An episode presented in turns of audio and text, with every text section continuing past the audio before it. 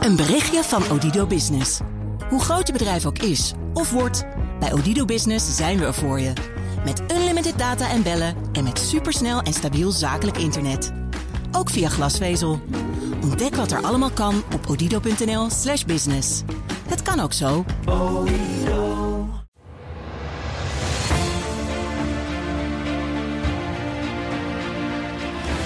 Toen is er niemand die gezegd heeft... die staatssecretaris moet misschien wel aftreden. Dit is Project Binnenhof. De politieke podcast van BNR Nieuwsradio. Wat gebeurt er in de wandelgangen als niemand kijkt? Met Sophie van Leeuwen en Laurens Boven. Turbulente tijden op het Binnenhof, de Europese verkiezingen en natuurlijk het plotselinge aftreden van onze asielstaatssecretaris Mark Harbers deze week. En wij duiken weer eens in de wandelgangen van de Tweede Kamer met twee mensen die alles weten van asiel en migratie. Joël Voordewind, oftewel meneer Kinderpardon van de ChristenUnie. Present. Welkom. En Bram van Ooyek, voormalig GroenLinks tussenpaus. Mag ik dat zo zeggen? Nee. er was een andere tussenpaus bij het CDA deze week natuurlijk, Pieter Heerma. Maar jij was een echte leider. Uh, ja. Dan moet ik weer nee zeggen nu.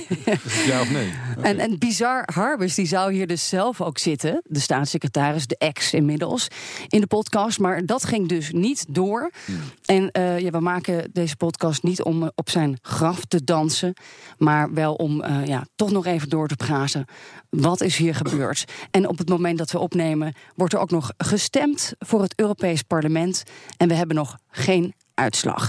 Goed, de reconstructie van dinsdagmiddag, wat was het? 20. 21 mei, dacht ik. 21 mei. Het vertrouwen raakt tussen uw Kamer en mij. En ik er ook zelf aan hecht dat op dit punt ook geen enkele twijfel kan zijn. Juist ook vanwege de ernst van de problematiek met overlastgevenden. zal ik zijn majesteit de koning verzoeken om mij ontslag te verlenen. Ik dank de Kamer voor het in de afgelopen periode in mij gestelde vertrouwen. Dank u wel. Ja, Joël en Bram, jullie kregen een brief. Hoe laat was dat? Op dinsdag? Ik hoorde het volgens mij om een uur of uh, half één of zo. Ja, Joël weet dat soort dingen altijd eerder, hè? Want die zit ja, want wist jij dat al eerder? Jij wist dat al dat hij ging aftreden? Nou, wij zaten in de fractievergadering en Geert-Jan liep er even uit en die riep mij... Uh, maar dan moet ik dus de vergadering overnemen, de fractievergadering... als vice-fractievoorzitter. Maar die riep mij er toen ook uit, dus dan hadden we geen uh, voorzitter meer. Uh, en toen hoorde ik het van Geert-Jan, ja, tijdens de fractievergadering. En wat gebeurde er toen? Wat dacht je toen je dat hoorde of toen je dat las? Ja, heftig. Uh, ja, we werken nu, wat is het, twee jaar met elkaar samen. We hebben wekelijks overleg en we, of we bellen soms. En als er een schrijnend geval is, dan bellen we zelfs in het weekend. Uh, dus uh, ja, je bouwt een band op. En we zijn van verschillende partijen, maar we proberen er toch steeds goed uit te komen als coalitiepartijen. En Bram, wat schoot door jouw hoofd toen je die brief kreeg? Ik was uh, verrast en ik, ik had eerlijk gezegd ook helemaal niet verwacht dat uh, dit uh, tot, tot het aftreden zou leiden. Overigens, toen, toen we het hoorden, toen was het bericht nog van hij had op een persconferentie, op dat moment ongeveer, gezegd: Ik verwacht dat dit mijn laatste debat wordt. En ik, ik weet nog wel dat ik dat meteen heel vreemd vond. Ik dacht, ja, wat is het nou? Treed je nou af? Of hangt het af van wat de Kamer straks gaat zeggen? Of, ja. Nou, dat is interessant. Dus Joël van de ChristenUnie, jij had dus al een officieel, uh, officiële mededeling via Gert-Jan Segers gehoord van de VVD. Van hij gaat aftreden, misschien wel van Harbers persoonlijk. En jij baseerde je op uh, geruchten in de pers? Nou, niet geruchten in de pers. Iets wat een, een quote van de staatssecretaris op zijn persconferentie, waarin die zei. Later zag ik ook dat beeld. Dat is ongeveer als hij wegloopt. Dan zegt hij van nou, ik verwacht dat dit mijn laatste Kamerdebat wordt. Dat was een variant ja. van aftreden die ik nog nooit eerder had meegemaakt. wat deed je toen? Toen heb je hem gebeld? Of wat, wat? Nee hoor, daar heb ik hem niet gebeld. Nee, nee dat niet. Nee. Wat dan wel? Nou, toen even later kwam er een brief.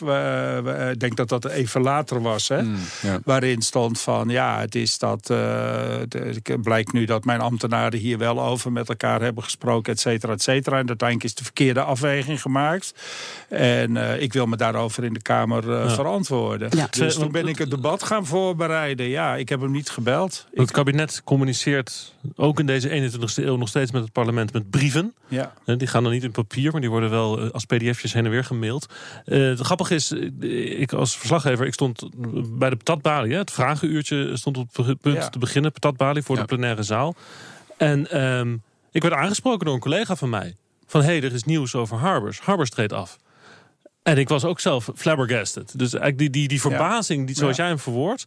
die trok echt door de, door de gangen van dit gebouw, Joel. Ja, het, kwam bij ons ook wel als een slag bij heldere hemel. Uh, we, wisten natuurlijk wel, we hadden een paar weken daarvoor, Bram ook, een debat gevoerd over criminele asielzoekers. Uh, we hebben de voortgangsrapportages gezien. Um, en vervolgens uh, kwam die brief. Nou, zelfs toen, je zou zelfs nog kunnen concluderen dat die brief nog een verdedigingslinie was van ja, er is wat fout gegaan. Maar in combinatie met die persconferentie en de aankondiging dat het zijn laatste debat wel eens zou kunnen zijn. En dat hij zelf dus een debat aanvroeg? Nou ja, de Kamer had een debat al aangevraagd. En hij zei, ik wil dat vandaag eigenlijk dan wel voeren. Want uh, daar moeten niet weer dagen overheen gaan. Uh, dus toen was het ook klaar. Want uh, er was nog een discussie wanneer we dat debat zouden voeren. en toen was het opeens heel snel. Hè? Ja. Toen moesten we binnen een half uur ook onze bijdrage ja. snel in elkaar typen. Ja. Dus zo gaat het dus dan even snel een, en je debat voorbereiden in een half uurtje. Nou ja, kijk, we hadden natuurlijk dan ondertussen al even die brief gelezen. Maar ja, dat was maar anderhalf A4'tje. Maar er stond natuurlijk wel die, die cruciale zin in dat eh, die informatie wel besproken was, maar de, de, de, dat de informatie dus niet de Kamer had bereikt uiteindelijk en dat dat niet doelbewust was gebeurd. Volgens de inschatting dan van. Nou ja, en daar heb je natuurlijk een haakje om een aantal vragen over te stellen dan vervolgens. Misschien moet ik nog even schetsen eh, wat nou precies de kern was van de reden waarom die af is getreden? Mhm. Want dat is altijd eh, bij dit soort dingen, dat gaat om de inhoud. op een bepaald moment wordt het een politieke kwestie. En dan schuift de inhoud een beetje naar de achtergrond. Hè? Wat nou de achtergrond was, is dat er een rapport is verschenen. Mm de wens van deze coalitie om dit soort cijfers te gaan publiceren over criminaliteit rondom asielzoekers. Waar zijn asielzoekers nu bij betrokken? Vanuit het idee dat transparantie leidt tot begrip. Hè? De transparantie is dan, um, ja, doet, doet geruchten uitdoven. En dan hebben we feiten. En dan kunnen we over feiten. En dan heb je niet meer die, die wilde praat over wat er allemaal mis zou zijn. Je hebt feiten. Nou, dat rapport is gepubliceerd een paar weken geleden. Daar stond een tabel in. Daar stond de top 10 van meest voorkomende incidenten rondom asielzoekers in. En dan was de laatste categorie, dat was dan de categorie overig. En nu is er natuurlijk ook zware criminaliteit rondom asielzoekers, maar die komt relatief weinig voor. Waardoor die dus niet in de top 10 stond. En dus, heel rationeel geredeneerd, thuis hoort in het kopje overig. Telegraaf die uh, kwam daarachter van waar is toch de zware criminaliteit gebleven, mhm. onder het kopje overig. En die zijn toen gaan vragen van jongens, hoe zit het nou? Nou, en toen ontstond er vanuit het ministerie een schimmige situatie, er kwam geen duidelijkheid. En toen ontstond dus het beeld van, hé, hey, wacht even, het ministerie is zware criminaliteit aan het wegmoffelen. Ja, zeg ik dat zo goed? Nou ja, en daarvan zegt de staatssecretaris dus dat dat niet bewust gebeurd is. Hè? Hij heeft er ook ja, dat zei hij dus de afgelopen dinsdag. Maar voor, vorige week was dit de stand van zaken. Ja, dat klopt. Ja. En, en, en je zou, wat, wat dus fascinerend is, is uh, uh, dat toen het moment dat duidelijk werd dat die fout gemaakt was. Hè? Want dat heeft ook, uh, zoals je dat net schetst, ook de premier heeft op zijn persconferentie vrijdag gezegd dat was fout. We hadden daar veel opener over moeten zijn. Toen is er niemand die gezegd heeft... die staatssecretaris moet misschien wel aftreden. Ik bedoel, vergelijk het eens met, met de laatste bewindslieden die zijn afgetreden. Uh, Zijlstra, Hennis. Hè? Dan gonzen het hier al dagen, zo niet weken van de gedachte van nou, uh, of deze minister het gaat halen, dat is zeer de vraag. Hier was, de fout was vrijdag toegegeven. Rutte had dat gezegd op zijn persconferentie. Harbers had gezegd dat is verkeerde afweging gemaakt. En, waarom na het weekend was dat ineens eh, een reden om af te treden... omdat toen bekend was geworden dat er op het ministerie... tussen ambtenaren wel over was gesproken. Maar waarom is hij dan toch gegaan? Want van, van nou, ik hoorde in de wandelgangen van de Tweede Kamer... van de oppositie, hoeft hij niet af te treden. Nou, dat heb ik ook van collega's uh, die net als ik in de oppositie... wij hebben ook tegen elkaar gezegd... zouden wij nou, als we dit briefje hadden gekregen... geëist hebben dat de staatssecretaris af zou treden... en wij zeiden eerlijk tegen elkaar, dat denk ik eerlijk gezegd niet. En waarom is dat nu dan toch gebeurd? Heeft dat te maken met de verkiezingen deze week? Nou ja, dan moet je in het hoofd van uh, Harbers gaan kijken. Uh, ik heb ook wel begrepen dat. Uh, bedoel, er zijn geen. In ieder geval niet van mijn partij signalen gegaan van dit gaat helemaal fout. Dus let even op hier. Dus ik heb begrepen dat het een vrij zelfstandige afweging van hemzelf is geweest. hij heeft natuurlijk wel een zware een portefeuille. Je weet dat je tassen meekrijgt met individuele zaken, discretionair. hij is ondergedoken toen met Lilian Houwik. heeft bescherming moeten hebben voor een aantal weken. Dus het is een hele zware portefeuille.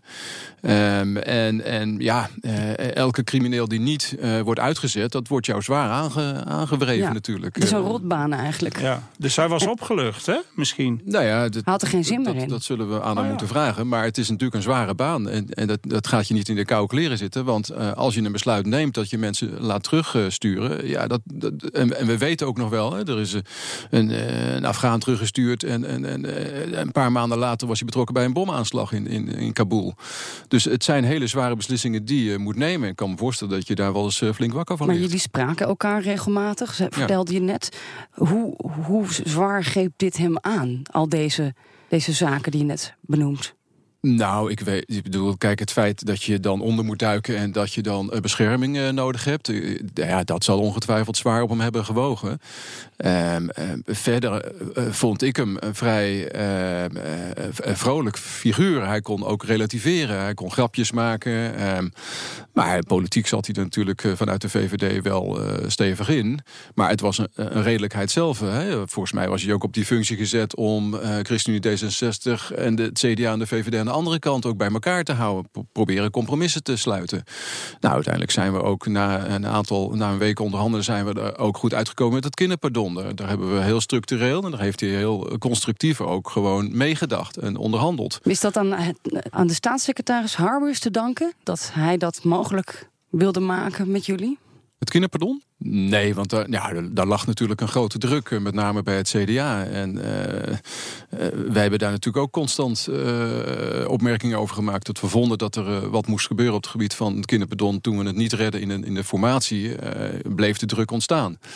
Blij, bleef de druk daar. Dus die druk zat vooral op het CDA. En uiteindelijk is het CDA omgegaan en lag de bal bij de VVD om er met elkaar uit te komen. Nou, en dat is ook gelukt. Ik denk dat uh, Harbers, als de, als de weken een beetje gevorderd zijn, dan zal hij wel een interview geven her en der om.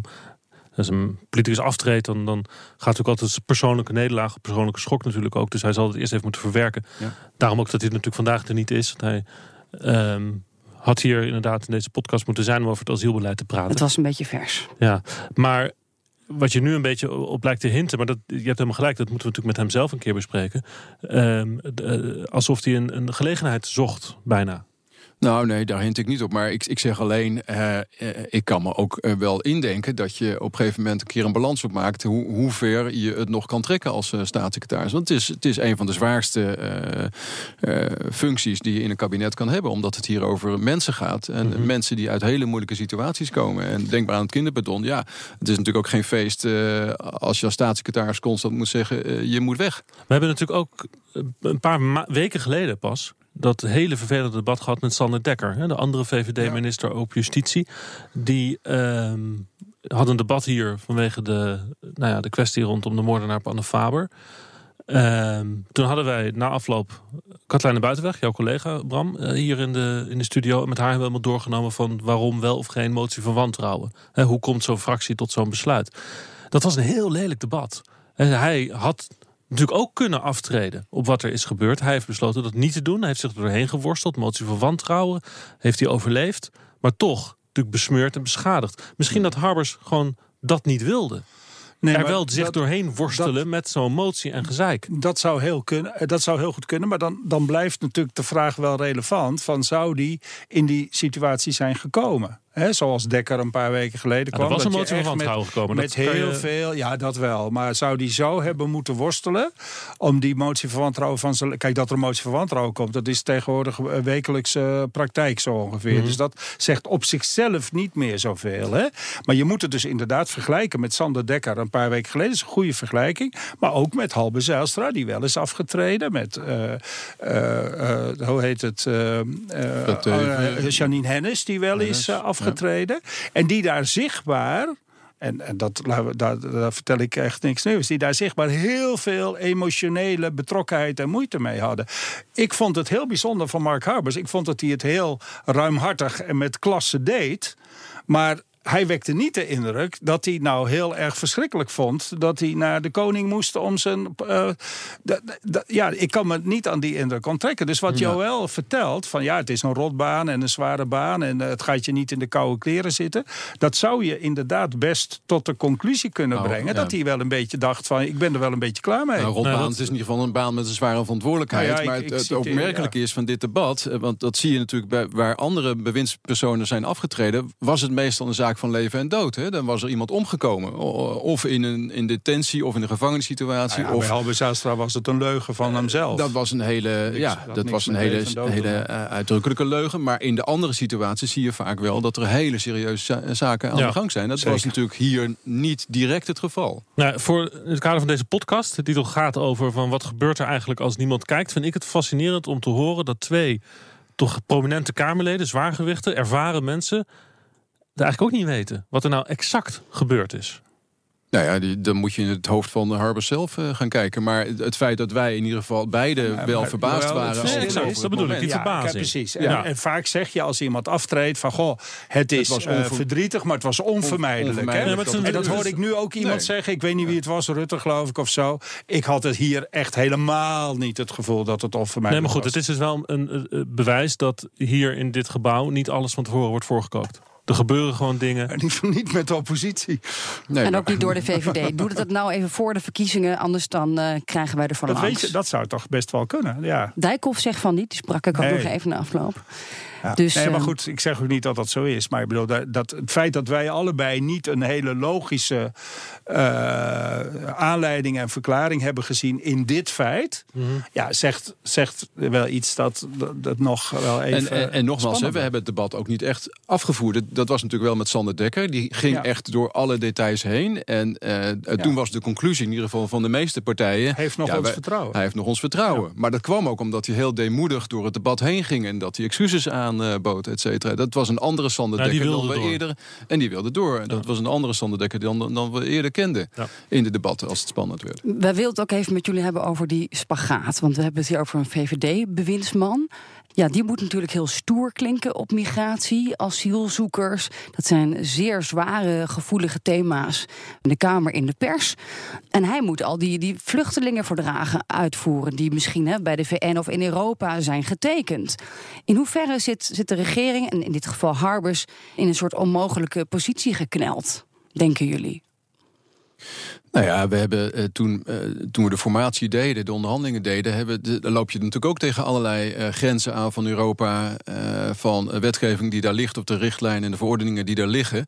En binnen die marges stel je een regeerakkoord op, waarbij je ook nog elementen in het regeerakkoord ziet van inzet van het kabinet richting Brussel om bepaalde strakke richtlijnen te versoepelen. dat waren ook uitdrukkelijke eisen, wensen van de VVD.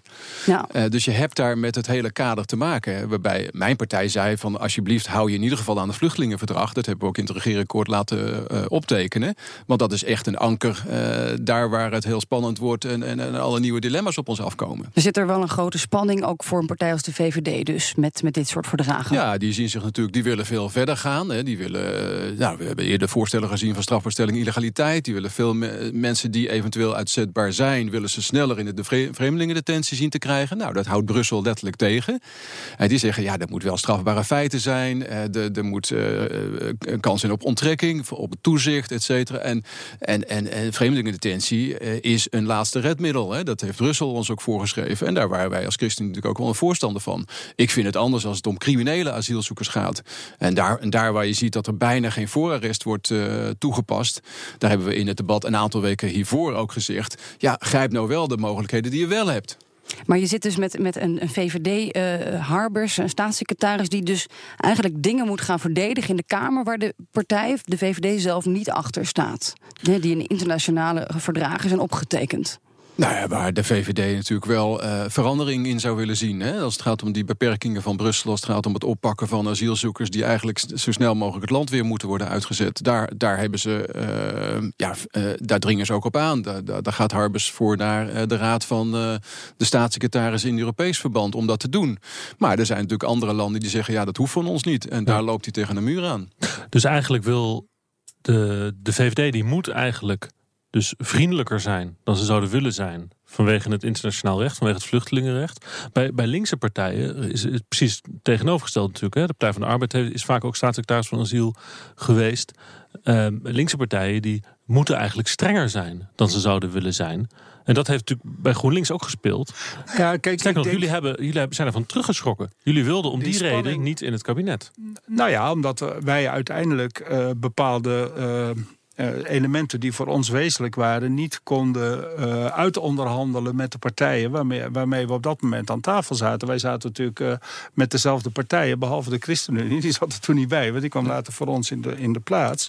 Maar vanwege en, dit, wij, vanwege wij vonden het, wij vonden het regeerakkoord, en ik, ik vind ook nog steeds het regeerakkoord wat, wat er uitgekomen is, ja, daar willen wij niet voor tekenen. Maar zowel dus, dus bij rechtse partijen ja, als bij linkse partijen je, knelt het asielbeleid dus eigenlijk. Dat heeft natuurlijk ook te maken met het feit, afgezien met de internationale verdragen waar, waar, het net over ging, ook met het feit dat we altijd een coalitie hebben en dat er in die coalitie bijna altijd, en dat geldt voor deze coalitie sowieso, uh, uh, per definitie tegenpolen zitten waar het gaat om, uh, om asiel en migratie. Zo gauw je een exclusief rechtse coalitie zou hebben of een exclusief progressieve linkse nee, maar coalitie. Het is natuurlijk niet, dat, dat is het niet alleen. Nee, het niet is, alleen. Nee, maar het is ook, er zijn ook gewoon feiten in de werkelijkheid en dat is het wat rechts knelt, is dat er een vluchtelingenverdrag bestaat, wat moet worden uitgevoerd. Wat, wat jullie knelt, is dat Europa de grenzen gesloten heeft. Wat jullie niet willen. Weet je, dat, zijn, dat is, heeft niks met links-rechts te maken. Het heeft te maken met feiten die internationaal zijn afgesproken. Nou waar je als partijen met internationale verhoudingen te maken. Met de manier waarop je internationale verdragen interpreteert natuurlijk. Hè. Je kunt ook over het vluchtelingenverdrag... Hè, kun je op allerlei mogelijke manieren nog uh, vertalen in uh, feitelijk beleid. Maar dat begint natuurlijk wel altijd in je eigen nationale... Dat begint, in, of het, om nog even naar Harbers te kijken... dat begint met de opdracht waarmee Habbers naar Brussel uh, wordt gestuurd... om, uh, ja, waarom, om internationaal draagvlak voor maar, zijn beleid Waarom durven jullie het niet aan?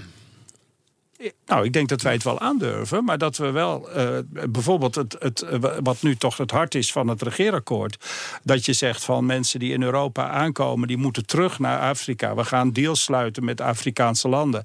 Welk land dat dan maar ook is. Ik heb het uh, Asmani gisteren weer horen zeggen, ik heb het Rutte weer horen zeggen. Ja, we gaan deals sluiten met Afrikaanse landen, zodat we de vluchtelingen die in Europa aankomen eerst daar naartoe terug kunnen sturen en dan mhm. kunnen ze daar asiel aanvragen. Daarvan heeft GroenLinks altijd gezegd, dat gaat voor ons een stap te ver. Wij, waarom, wij vinden dat mensen het recht moeten houden om in Europa asiel aan te vragen. Ja, dat heeft niks met aandurven. waarom, waarom tikt een GroenLinkser dan anders dan een Partij van de Arbeider?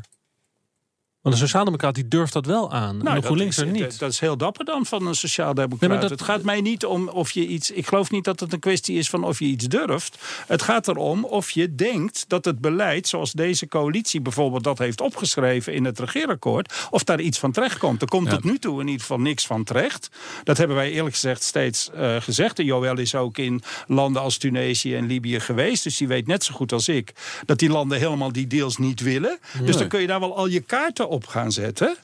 Maar dat, dan je kan er ook, je kan er ook ontspannend, ontspannend mee omgaan. Want wij wisten natuurlijk toen we aan tafel zaten... en dat wisten jullie misschien ook wel... want je bent zelf in de vorige leven natuurlijk migratieambassadeur geweest... dat die deals niet zo snel gesloten zouden worden. Ja, maar dat is een cynische en, manier nee, van maar dat, En dat was één constatering. En twee, we hebben natuurlijk wel degelijk in het regeerakkoord... en daarom durft het wel aan... Uh, toch een, een, een, verkorte versie van een toets... Uh, ook in Nederland en in Europa uh, toegestaan. Dus er werd altijd ge, getoetst. Ook al zouden dan een migrantendeal zijn... werd een alsnog getoetst of mensen veilig terug konden. Want daar zitten we gewoon aan gebonden. Je mag mensen niet onveilig terugsturen naar landen uh, waar ze bedreigd worden. Dus we hadden daar wel, en we hadden gezegd, het vluchtelingenverdrag blijft het ankerpunt.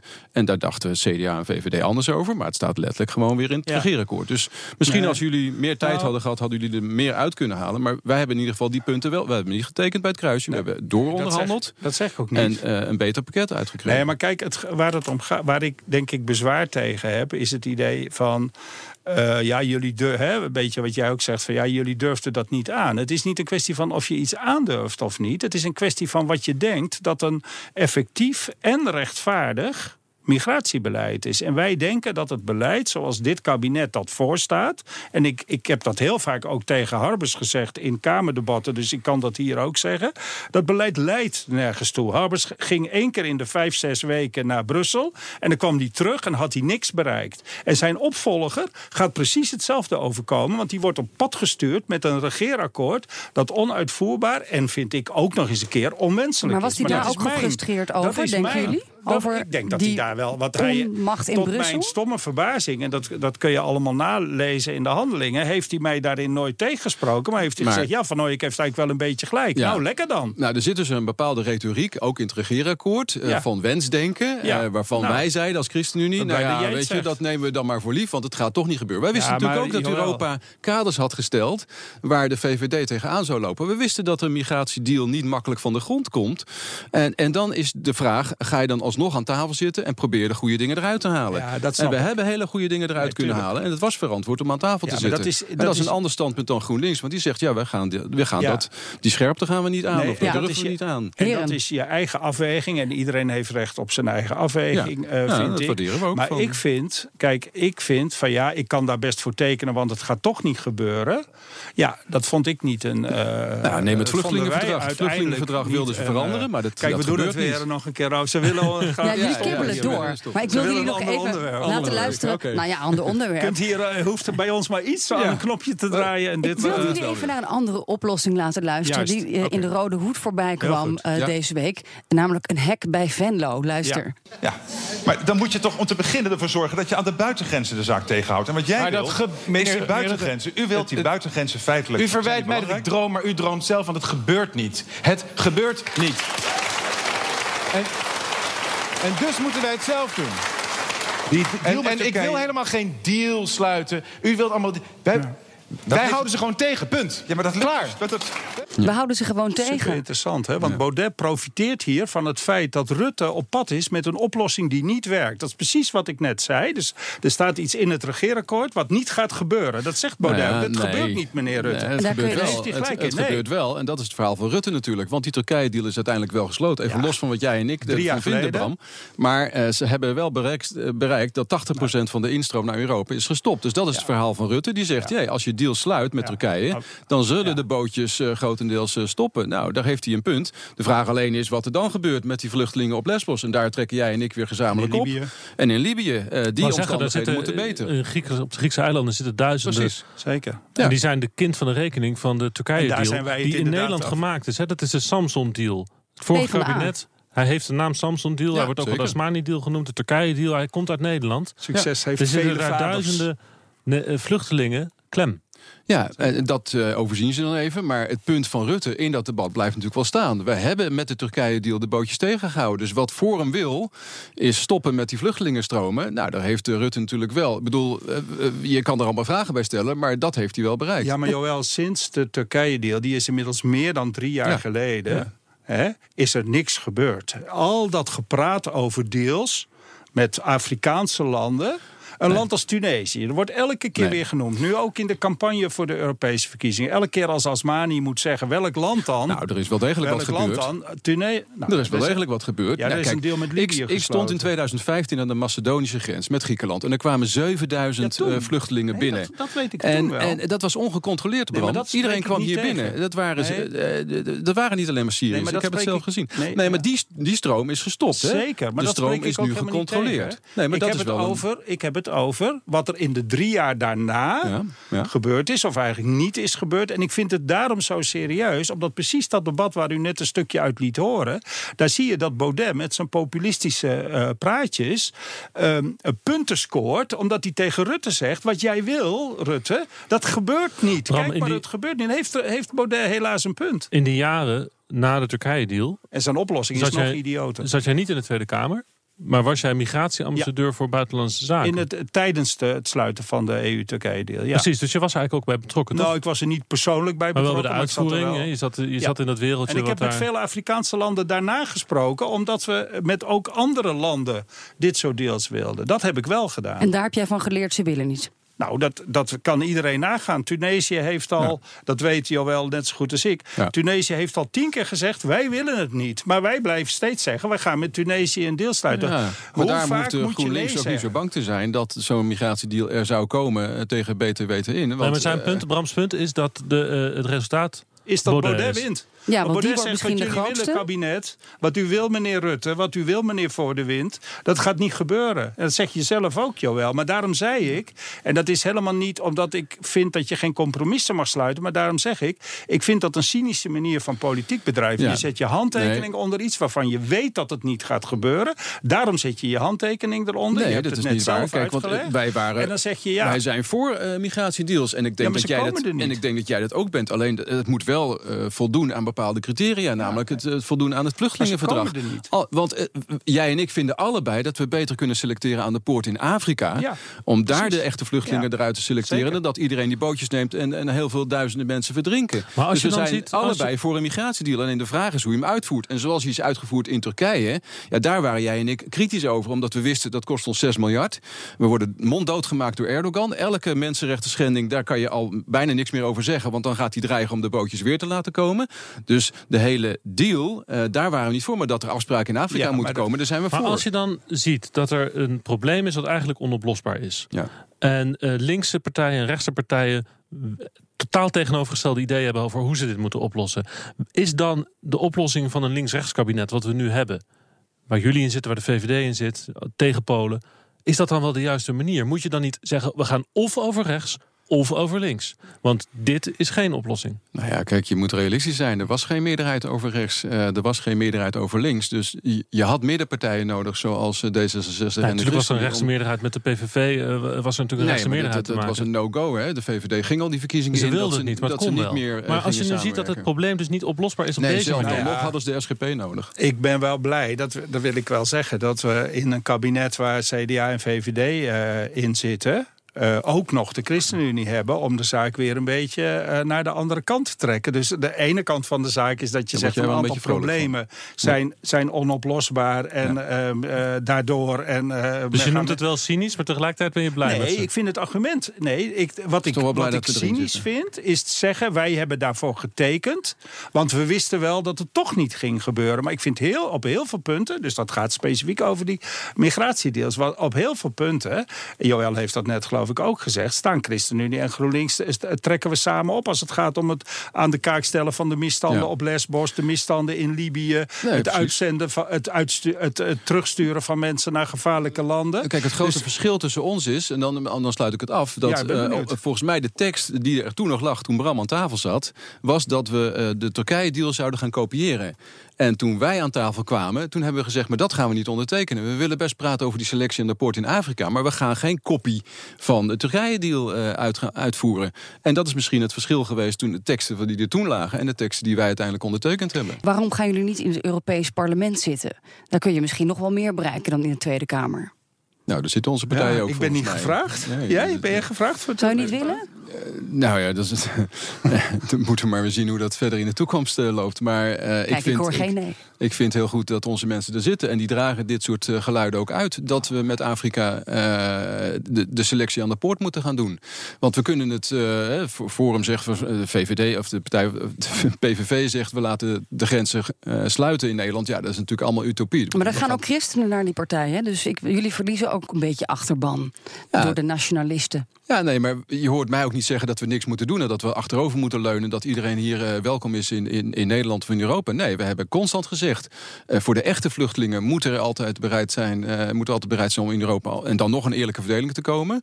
Maar voor de, de migranten die hier een, een beter huishouden zoeken. Ja, daar is, daar is helaas geen plaats. Ja. Zijn jullie wel eens gefrustreerd eh, over hoeveel macht je nou echt hebt hier in de Tweede Kamer? Ten opzichte van die Nou, ik- verdragen en Brussel? Nou, nee, omdat ik toch vind dat we in onze debatten die we hebben, bijvoorbeeld met de staatssecretaris voor asiel en migratie, wel degelijk ook dat het toe doet met welke boodschap het Nederlands parlement zo'n staatssecretaris op pad stuurt. Ja, maar hij, gaat dan, hij komt dan toch weer terug met niks, zeg je net. ja, maar dat komt omdat ik denk dat we hem uiteindelijk met een boodschap op, op, pad sturen, met een boodschap op pad sturen die onuitvoerbaar is. Daar zit mijn frustratie over het beleid. Maar als ik in het Europees Parlement zou zitten, zou dat vrees ik niet, uh, niet uh, minder zijn. Dus ik vind de boodschap en daar, komen we misschien terug aan het begin van ons gesprek, van waarom is deze staatssecretaris eigenlijk afgetreden? Ik denk dat de boodschap met, waarmee hij in Europa uh, de, de boer op uh, is gestuurd, aan herziening toe is. Bram, je, snijdt een interessant punt aan herziening. Van de, in feite de Nederlandse basisstandpunten, gedachten over asiel. De vraag is een beetje wanneer de volgende Tweede Kamerverkiezingen zijn. Sommige mensen zeggen die zijn Heel snel. 2021. Dat zegt de coalitie. De oppositie verwacht hem eerder. Um, is dat voor jou een inzet voor de verkiezingen om dan over links nou, eh, dat voor elkaar te gaan boksen? Kijk, ik denk dat een. Ja, dat zou mooi zijn. Maar dat zou natuurlijk hartstikke mooi zijn als we de volgende keer een veel progressiever linkser kabinet uh, uh, kunnen maken. Maar Joël Voordewind heeft gelijk. Dat is in Nederland altijd maar de vraag of dat lukt. En meestal uiteindelijk niet. Ik denk dat je zou moeten zeggen kijk, dat zou ik ook aan Joël eigenlijk willen zeggen. Kijk nou nog eens wat je twee jaar geleden hebt opgeschreven. Maak nou eens de balans op na twee jaar proberen. Komt die deal met Tunesië er nu? En als je denkt dat die er echt niet komt, ga dan iets anders verzinnen. En daar wil de oppositie graag over meedenken. Uh, Joël, zie jij een kans op herziening van de basisideeën over ons asielbeleid? Ik denk dat de grote frustratie nu is. En daarom is het uh, ook niet weer verrassend dat de staatssecretaris op dit punt heeft uh, de, moeten aftreden. Er zijn twee problemen wat zeer frustrerend is. En ik denk dat we dat in de Kamer breed deden. Dat is één, de criminele asielzoekers. Oftewel de mensen die uit veilige landen komen. Ja, ik wil even, even verder wegkijken dan deze coalitie. Kijk naar de volgende coalitie. Ja, nee, maar daar ga ik naartoe. Kijk, er zijn twee problemen uh, wat het asielbeleid ondermijnt. En dat is het niet kunnen uitzetten van mensen uit veilige landen en het te zwak aanpakken van criminele asielzoekers die hier de boel en de draagvlak voor de echte vluchtelingen ondermijnen. En die dingen moeten we veel steviger aanpakken, want anders hebben we hier straks geen asielbeleid meer. En dan zegt uh, Baudet en zijn uh, trawanten zeggen allemaal: sluiten die boel. Ja. Een hek bij Venlo. Goed, dankjewel. Bram van Ooyek van GroenLinks, Joël Voordewind, ChristenUnie. En al je commentaar en tips die kun je mailen naar denhaag.bnr. En kijken kan ook op onze Instagram-pagina Project Binnenhof. Dank aan de, eh, de heren van het asielbeleid en Laurens Boven. Tot volgende week.